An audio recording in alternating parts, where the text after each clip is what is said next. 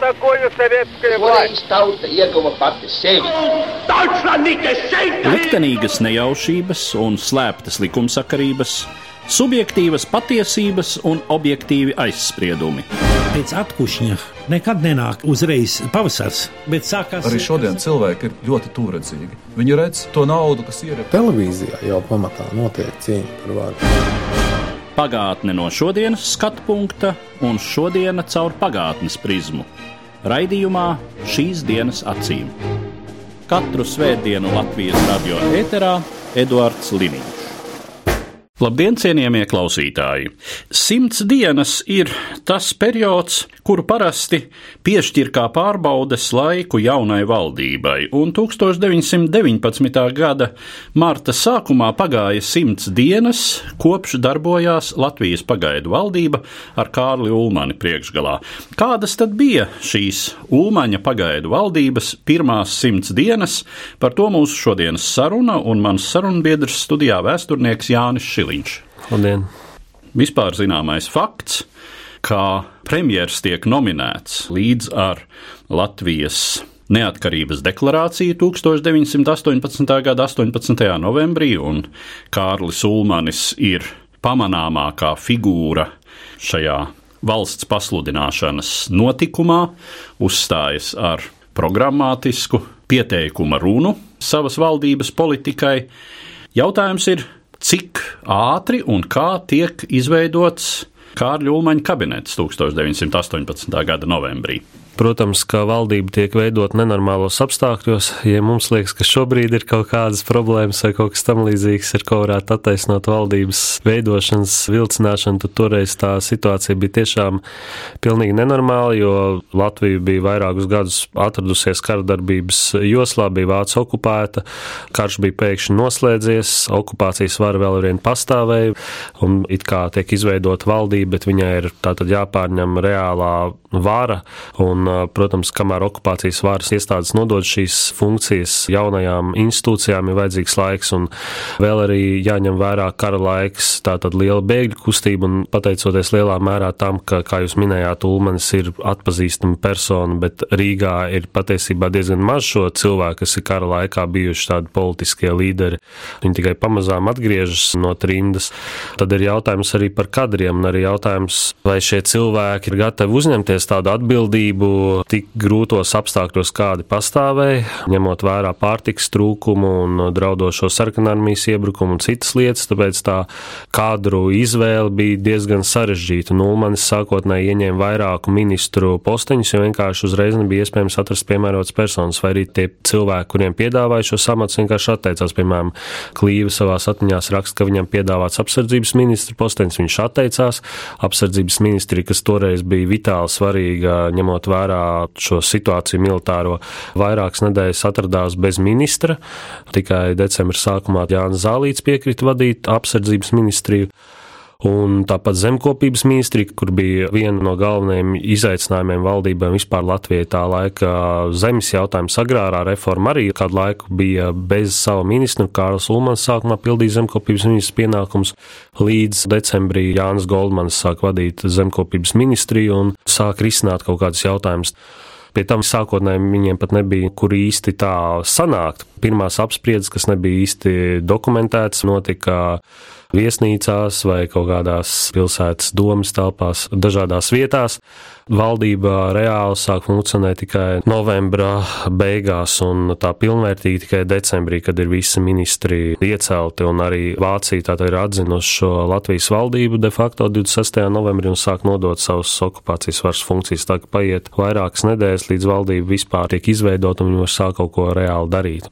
Kāds tad ir tā organizatoriski šīs valdības izveidošanas process, vai tā ir tiešām gluži privāta sarunāšana, vai notiek kaut kāda deleģēšana no tām partijām, kas ir iesaistījušās tautas padomas darbā, vai arī dzan, tiek izmantotas kaut kādas līdz tam darbojošās struktūras, kā piemēram mēs varētu spriest, ka demokrātiskais bloks vai Latviešu pagaidu Nacionālā padome tādā vai citādā veidā turpinās šai jaunajā valdībā?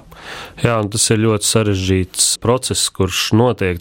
Sāksim ar to, ka Ulmans patiesībā šajā laikā, kad viņam tiek uzcēts tik atbildīgi pienākumi, viņš ir ļoti nepieredzējis politiķis. Viņš ir zināms sabiedrībā un viņš bijis ļoti aktīvs, bet viņam tās politiskās pieredzes faktiski nav. Jo 17. gadā, kad viņu iecēt par vidzemes komisāra vietnieku, viņš saslimst, to viņš noslimo ar plaušu karsonu visu vasaru, un kad viņš beidzot var sākt savus pienākumus brauc uz Rīgu, tad Rīga tajā pat brīdī nonāk Vācu okupācijā, un viņš turpina darboties Vācu okupācijas apstākļos, piedalās biedrību darbībā un tam līdzīgi, bet nu, viņam nav šīs politiskās pieredzes, kāda būtu nepieciešama. Protams, ka tas apgrūtina visas šīs sarunas, un arī varbūt, ka Ulmans pārāk naivi cer uz sociāldemokrātu iesaistīšanos, jo visu laiku ir šīs sarunas, kad valdībā vajadzētu būt sociāldemokrātiem, bet viņi tomēr nostādas opozīcijā, kas tāds lielais trieciens, tā kā būtu normāli, kad partijām deleģējam kaut kādas vietas, sadalam un mēģinam organizēt. Sociāldemokrāti pasaka ne, un lielā mērā tās ir privātas sarunas, kā es minēju Klīvas piemēru, ka viņi uzrunā pēc tam uh, to pašu zālīti, bet mēs redzam tādu kopēju tendenci, ka ir šī vēlme saskaņot šos lielos divus grupējumus, to intereses, kas ir demokrātiskais bloks un Latviešu pagaidu Nacionāla padoma, ko mēs ļoti skaidri redzam tautas padomas sastāvā, kur pārstāvēts faktiski līdzvērtīgi abi šie virzieni arī pagaidu valdībā. Tātad ir gan cilvēki no demokrātiskā bloka, no Latviešu pagaidu Nacionālās padomas jau minēja to pašu Goldmani un Zālīti, lai gan Nacionālā padoma uzreiz nepārstāja funkcionēt, un tas pats Bergs un Zāmuels, viņi tā kā arī nostājas opozīcijā valdībai un gaida, un patiesībā viņi gaida, zinot to reālo situāciju un saprotot, ka Ulmans ir diezgan nepieredzējis cilvēks, kad visticamākais tā valdība nu, izgāzīsies, un tad vajadzēs nākt atkal viņiem. Un arī, nu, piemēram, ministru ziņām, protams, ir tādas izvēles, kur jau ir jārēķinās to esošo situāciju. Piemēram, tas pats Meirovis jau ir ārzemēs, sekmīgi darbojas diplomātiskajā darbā. Nu, pilnīgi loģiski, ka viņam tiek uzstāts ārlietu ministra postenis. Tā ka no vienas puses ir šī vēlme saskaņot intereses, jo, protams, ir šie divi lielie centri politiskie bijuši 17. un 18. gadā, un viņus abus iekļaut, ņemot vērā to, ka sociāldemokrāti ir apzināti nostājušies opozīcijā un mēģināt kaut kā tad runāt ar tiem cilvēkiem, kurš kādus amatus uzņemsies valdībā. Kāds ir eh, galvenais motīvs sociāldemokrātu distancētībai no šīs valdības?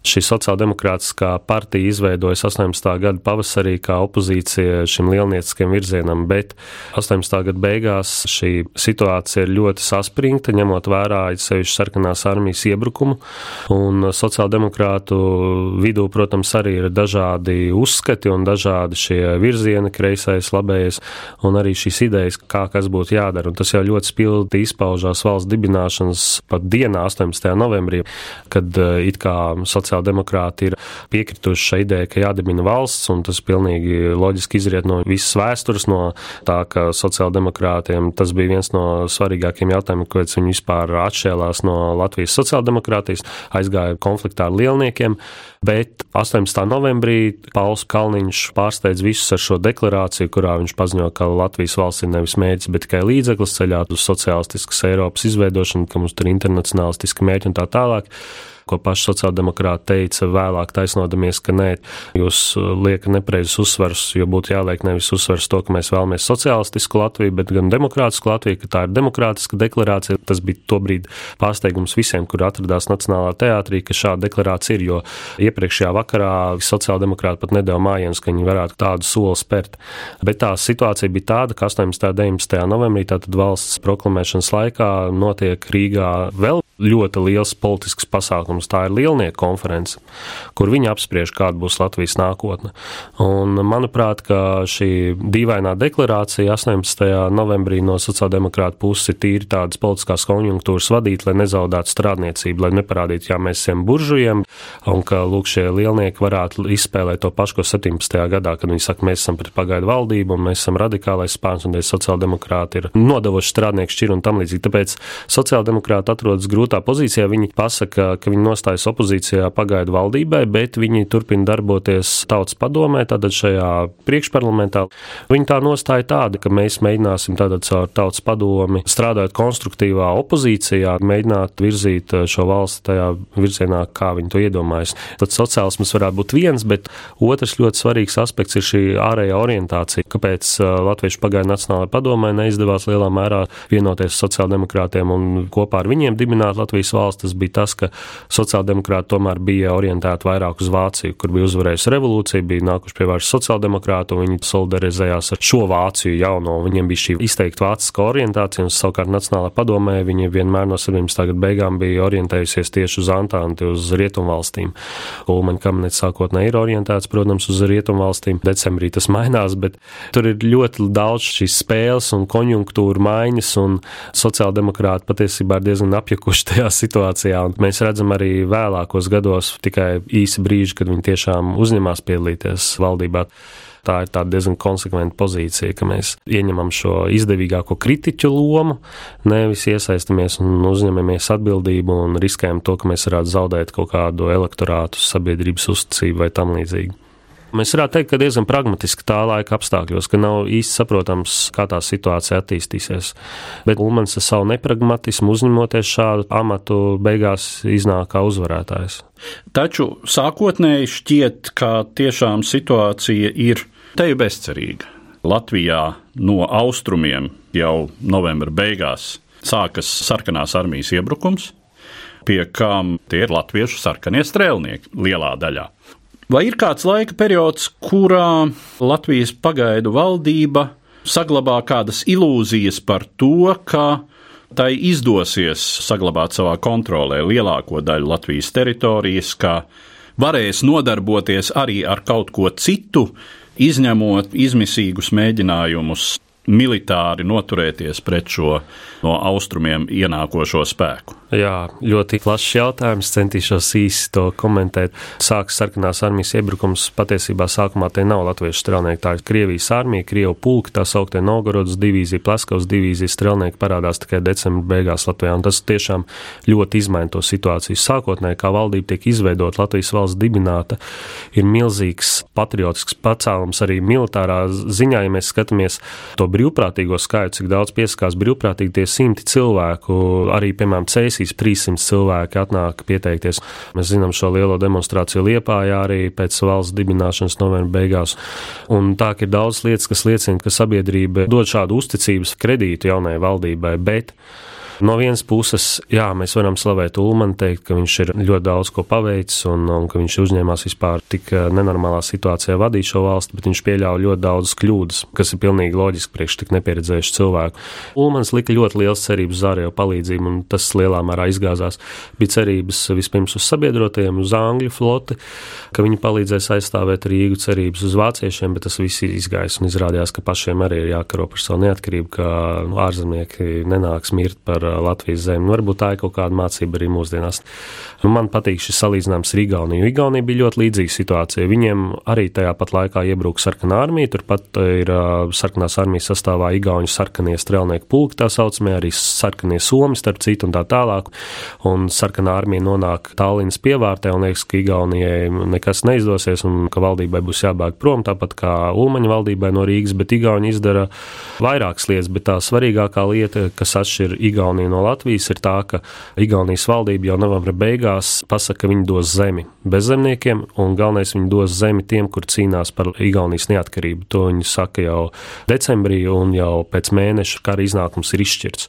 Un Ulmans atšķirībā no Igauniem nevis sola zemi, bet viņš saka, to izšķirs satversmes sapulcs. Līdzīgi kā Krievijā tas notika arī, kur pagaidu valdība teica, sanāks satversmes sapulcs, tad to izlems. Tāda izvairīga pozīcija, neizlēmīga.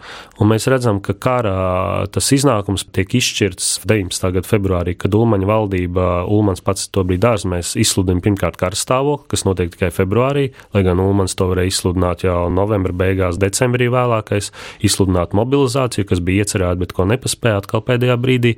Un arī zemes jautājums tiek uzsākt agrārā reforma 19. gada februāra beigās. Un pēc pāris mēnešiem jau mēs zinām, neatkarības karš ir lielā mērā izšķirts. Tad jautājums, ko darīt ar vāciešiem. Bet uh, sarkanās briesmas, tā teikt, ir novērsts.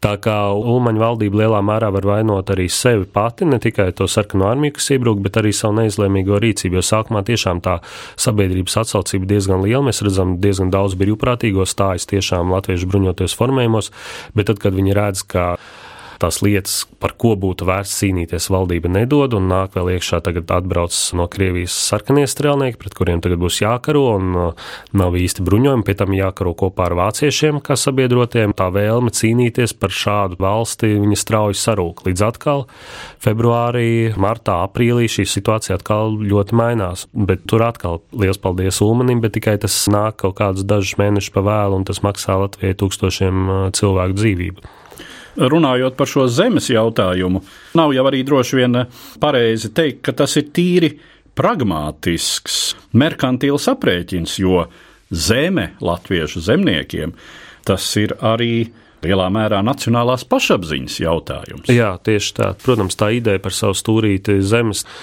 ņemot vērā dzimbūšanas visus laikus un 19. gadsimta notikums, viņa ir no, ļoti dziļa un pat varētu teikt metafiziska, ne tikai racionāla. Gan mums jāņem vērā noteikti arī racionālai apsvērumi, tas, ka cilvēki tolaik dzīvo badā un bez darba un bez naudas, un viņiem tas ir lielā mērā izdzīvošanas jautājums un kaut kāda cerība un motivācija arī vispār dzīvot. Bet skaidrs, ka tas ir svarīgs tāds simbolisks jautājums un tiek likts cerības arī uz lielniekiem sākotnēji, ka viņi dos zemi un faktiski vienlaikus ar Ulmaņu valdību viņi paši arī izdod savu dekrētu par zemi 1. martā.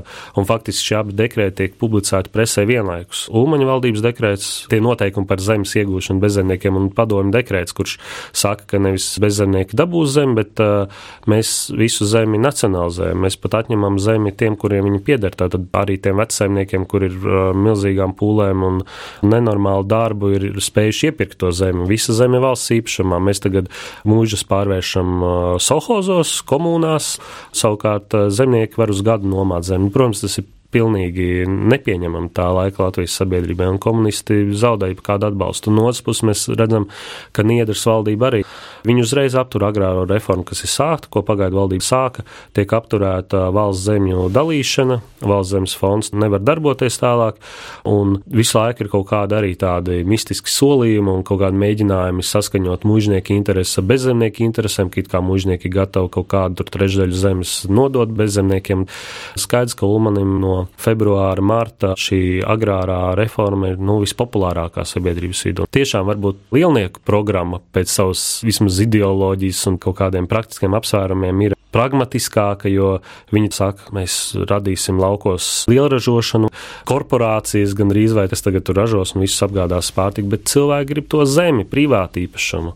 Viņiem tas, ka būs ļoti efektīva tā ražošana un ka viss būs pēduši un tam līdzīgi, varbūt tas nav pats svarīgākais, bet tā apziņa, ka tu varēsi iegūt īpašumā savā zemi un pēc tam nodot nākamajām paudzēm, šī ideja ir daudz spēcīgāka, kur it kā visi ir domājuši, jā, ka tie bezzemnieki ir ļoti tādi sociālistiski noskaņoti un strādnieku šķīra un lauku proletariāts un tam līdzīgi, bet ka viņam ir jāatšķirās no savas kazas vai gos un jāved uz solhozu, tad pēkšņi izrādās, ka viņi ir gatavi šauteni rokās cīnīties par to stučkas režīmu. Lauku lielražošana, mēs zinām, ir problemātisks koncepts vēl līdz mūsu dienām. Nu, viņa ir ļoti efektīva, tīri ekonomiskā skatu punkta jautājums, cik viņa ir efektīva no sociālā un no citām pusēm, jo ekonomika jau nav tikai par peļņu vai iekšzemes koproduktu pieaugumu. Tieši tā. Runājot par Ulmaņa valdības risināmajiem uzdevumiem, protams, pirmais jautājums ir par to, kā šī valdība savai funkcionēšanai var nodrošināt kaut kādu finansiālu resursu kur tad tiek ņemti jebkādi naudas līdzekļi. Jā. Protams, finanses ir ļoti, ļoti svarīgas. Un Latvijas valstī tas bija liels izaicinājums un valdībai. Protams, bija kaut kādi privātie ziedojumi. Sākumā bija diezgan liels tas pacēlums, patriotiskais, un arī zemnieki un pilsoņi, kuriem bija šie kaut kādi finanses līdzekļi, viņi labprāt ziedoja jaunai valstī līdzekļus, bet tas nebija pietiekami. Tika slēgta līguma ar Vācijas valdību. Vācijas valdības pilnvarot Augusta Viniga personā, ka viņi uzturēs šo Latvijas zemesardzi, jeb no nu, Vācijas klandesfēru, kas ir tiešām līdzekļa līdzekļi miljoniem, miljoniem marku, rubļu un tam līdzīgi. Un tiek ļoti aktīvi meklēti aizņēmumi ārzemēs. Ir sākumā Ulmanim, protams, liels cerības, ka viņš saņems no Angļiem aizņēmumu. Tas nepiepildās, naudu izdodas un tādu pirmo lielo naudu saņemt no lietuviešiem vairākus miljonus marku. Ulmanim janvārī, februārī braucot Skandināvijas misijā un pēc tam atgriežoties caur Lietuvu, Lietuvas valdību piešķir 5 uh, miljonu kredītu, no kuriem pāris miljonus arī Latvijas saņem. Latvijas valdība saņem sākotnēji vairāk palīdzību graudā nekā naudā. Nu, tā ir Vācijas militārā palīdzība, ka viņi finansē un arī algas maksā un tam līdzīgi armijai. Angļi dod ieročus, amerikāņi dod pārtiku, kas ir milzīgi svarīgi arī. Tā ka ir dažādi šie avoti, no kuriem valsts iegūst līdzekļus vai atbalstu, vai nu finansiāli, vai arī praktisku. Zinot to notikumu attīstību, tātad 1918. gada beigās kļūst skaidrs, ka Rīgu noturēt neizdosies, tā ir jāatstāj sarkanajiem. Tas pats kļūst visai drīz skaidrs arī par Jēlgavu, un galu galā pagaidu valdība nonāk Liepājā līdz ar to, kas ir palicis pāri no Latvijas bruņotajiem spēkiem, un Faktiski arī pateicoties vācu atbalstam, tiek noturēts pats Latvijas dienvidrietumu stūris. Bet eh, cik organizēta, cik prognozēta arī dzen, ir šī galvaspilsētas pamešana un evakuēšanās uz rietumiem? Ulmans ļoti ilgi cer, ka tomēr Anglija iesaistīsies Rīgas aizsardzībā, un uh, Anglija patiesībā pat sola to, un arī Rīgā patrulē bruņotas angļu patruļus jūrnieku ar bruņu mašīnām, tādām improvizētām. Bet notiek šī briesmīgā katastrofa Pinčkalna kur uh, vācu un krievu zemesargu vienības tiek sakautas, un tajā brīdī Angļi saprot, ka nekāda Rīgas aizsardzība nesanāks, ka pat ar viņu flotas piedalīšanos nekādas reālas iespējas aizstāvēt galvaspilsētu nav. Iespējams, Inčkalna kauja nebūtu notikusi, ja būtu pieņemts lēmums, piemēram, aizstāvēties Jūglas pozīcijās, varbūt situācija būtu citādāka un Angļi būtu snieguši savu militāro tiešu atbalstu. Kad Rīga būs jāpamata, tas tiek saprasts pāris dienas tikai pirms šīs Rīgas pamešanas, un, protams, atkāpšanās notiek ļoti lielā steigā. Ir bēgļu plūsma, valdība arī sabiedrībai nesaka, kas īsti notiek, lai neradītu paniku. Un, starp citu, kad uh, valdība ir aizbraukusi no Rīgas, Krievijas prese raksta, kad uh, mēs vēl tur pāris dienas iepriekš runājām valdību, viņi teica, ka viss kārtībā, ka nekāda Rīgas pamešana nenotiks un tam līdzīgi. Un te pēkšņi visas ministrijas ir ciet un neviens nezina, kur visi ir palikuši. Un daudz jūtas tā kā nodot un pamest. Piemēram, arī tāda versija par to, ka pat skolnieku rota, kas ir Latvijas armijas sastāvā, ka viņi vienkārši aizmirst Rīgā, aizmirst viņus informēt, kad notiek kaut kāda atkāpšanās, bet arī tas tāds strīdīgs jautājums, jo, piemēram, ir apsardzības ministrs Zālīša pavēle 1. janvārī, kur skolnieku rotas komandieris tiek informēts, ka valdība brauks projām un ka tie cilvēki no skolnieku rotas, kuri vēlas atkāpties kopā ar valdību, lai viņi iestājas studentu rotā. Tas ir liels haoss un tiek iznīcināt ļoti daudz dokumentu. Mums vēsturniekiem šobrīd, par ko mēs varam tikai nožēlot, ka valdība atkāpjoties ļoti lielā steigā ir iznīcinājusi lielāko daļu dokumentu. Mums nāks tagad rekonstruēt to ainu no kaut kādām driskām, ka nav tāda pilnīgi priekšstata par piemēram, to pašu latviešu bruņoto spēku veidošanu un darbību pašā tajā sākuma posmā un pat citām lietām. Šī dokumenta iznīcināšana, protams, arī ir saprotama, ja notiek evakuācija tādā steigā, tad tā ir informācija, kuru nedrīkst atstāt pretējai pusē. Kaut vai tāpēc, ka, ja tur ir piemēram šo bruņoto spēku personāla sastāvs, tad tie, kuri nav paspējuši pamest Rīgu, potenciāli var kļūt par pirmajiem eh, bolševiku vajāšanas un iznīcināšanas akciju upuriem. Kas notiek tad, kad valdība nonāk liepājā? Cik lielā mērā izdodas atjaunot kaut kādu sakārtotu valdības institūciju darbību, turpināt organizēt? Vispār situācija Liepājā tajā laikā ļoti interesanta. Un šeit jāatcerās, ka Latvijas Sociāldemokrātiskā strādnieku partija tātad ir jau 29. decembrī izstājušies no tautas padomus. Nu, viņi tagad atrodas ne tikai opozīcijā valdībai, bet viņi ir izstājušies arī no šī priekšparlamenta un saka, ka nu, mēs īsti neusticamies tam virzienam, kurā vispār šī valsts virzās. Un Liepāja šajā laikā neapšaubām ir galvenais sociāldemokrāta cietoksnis. Tas nozīmē, ka pagaidu valdība bēg uz pilsētu, kurā visa vāra principā atrodas sociāldemokrāta rokās.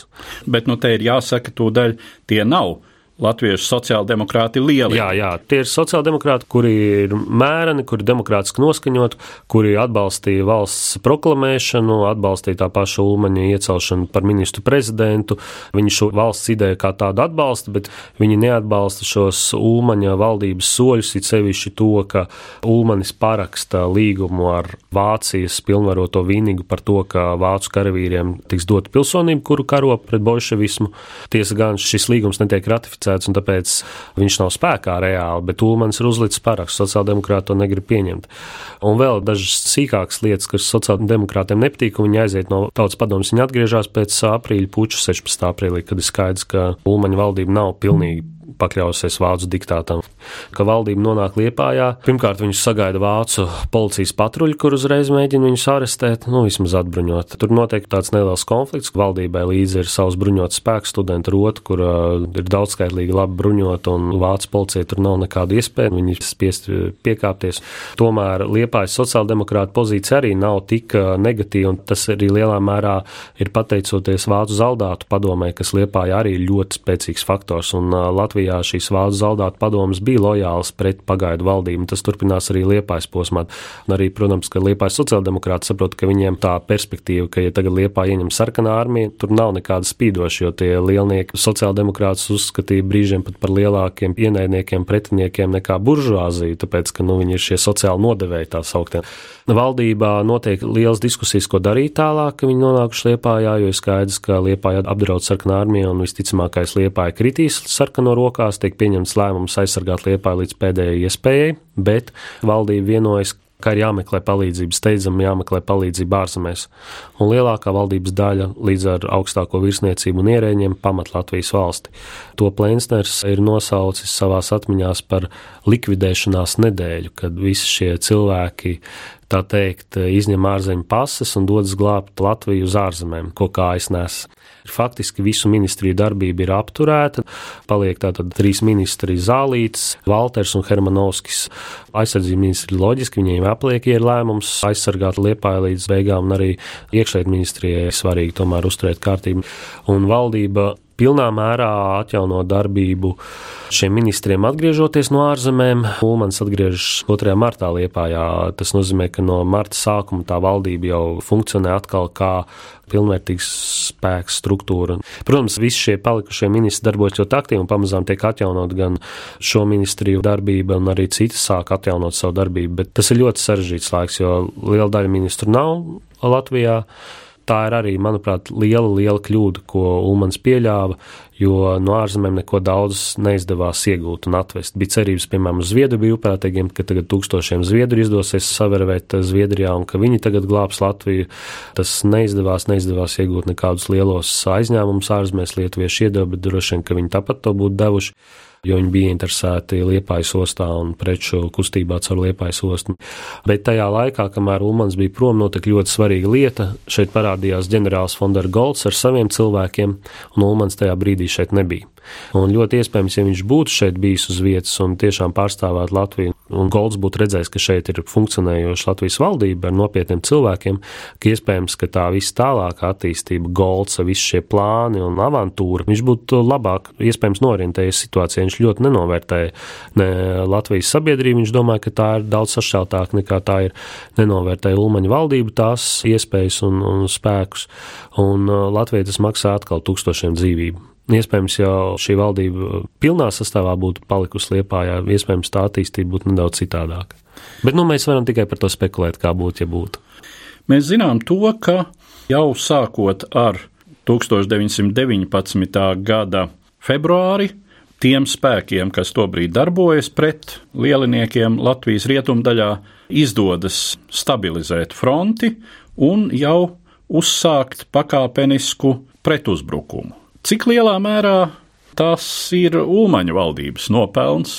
Pat valdībai nedarbojoties pilnā sastāvā Liepājā, tika paveikts ļoti daudz, un arī Ulmanim atgriežoties, tā darbība ir ļoti aktīva un patiesībā ļoti efektīva. Un lielā mērā tā arī novada pie 16. aprīļa puča, jo Vācu puse redz, ka valdība ir populāra, ka viņi ļoti labi darbojās, ka latviešu militārie spēki ļoti strauji pieaug un tiek pieņemti arī šie soļi pretī uz agrāro reformu, kas vispār izšķirs visas sabiedrības attieksmi pret pagaidu valdību un steidzīgi ir kaut kas jādara. Februārī tiek izsludināts karstāvoklis, tiek uzsāktas mobilizācijas un kalpaka bataljons strauji pieaug un jau pēc kalpaka nāves bataljons tiek pārformēts jau par brigādi, un pat tiek veidot plāni par to, kā izveidot pilnvērtīgu Latvijas armiju ar piecām brigādēm.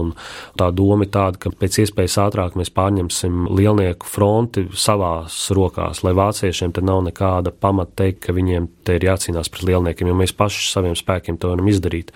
Un, piemēram, Golds jau pēc šīs marta ofensīvas saprot šo situāciju, viņš šantažē Latvijas valdību. Viņš saka, ka pārtrauciet mobilizācijas, jo citādi Vācu armija aizies prom. Un Ulmans saka, ok, ejiet. Mēs paši cīnīsimies pret lielniekiem, mums pietiekami resursi. Un sako aprīļa puķis. Tā ka tā valdības darbība bija ļoti, protams, efektīva. Arī Kalpaka bataljons veiksmīgi cīnās, un, protams, ka valdībai tur ir liela nozīme. Kaut arī Jānis Zālīts, viņš eh, varbūt nebija pat labākā kandidatūra apsardzības ministra postenī, jo viņam nebija īstādas pieredzes. Bet Zālīts tiešām ļoti rūpējās par karavīriem, un karavīri to ļoti novērtēja. Tā kā tās ministrijas loma gan skaitlisko spēku palielināšanā, veicot mobilizācijas un pat darot to apslēpt no vāciešiem, jo vāciešiem tas nepatīk, gan arī paaugstinot šo morālo noskaņojumu, parādot, ka ir vērts cīnīties par šo valdību, par šo Latviju. Tā ir neapšaubām ļoti liela.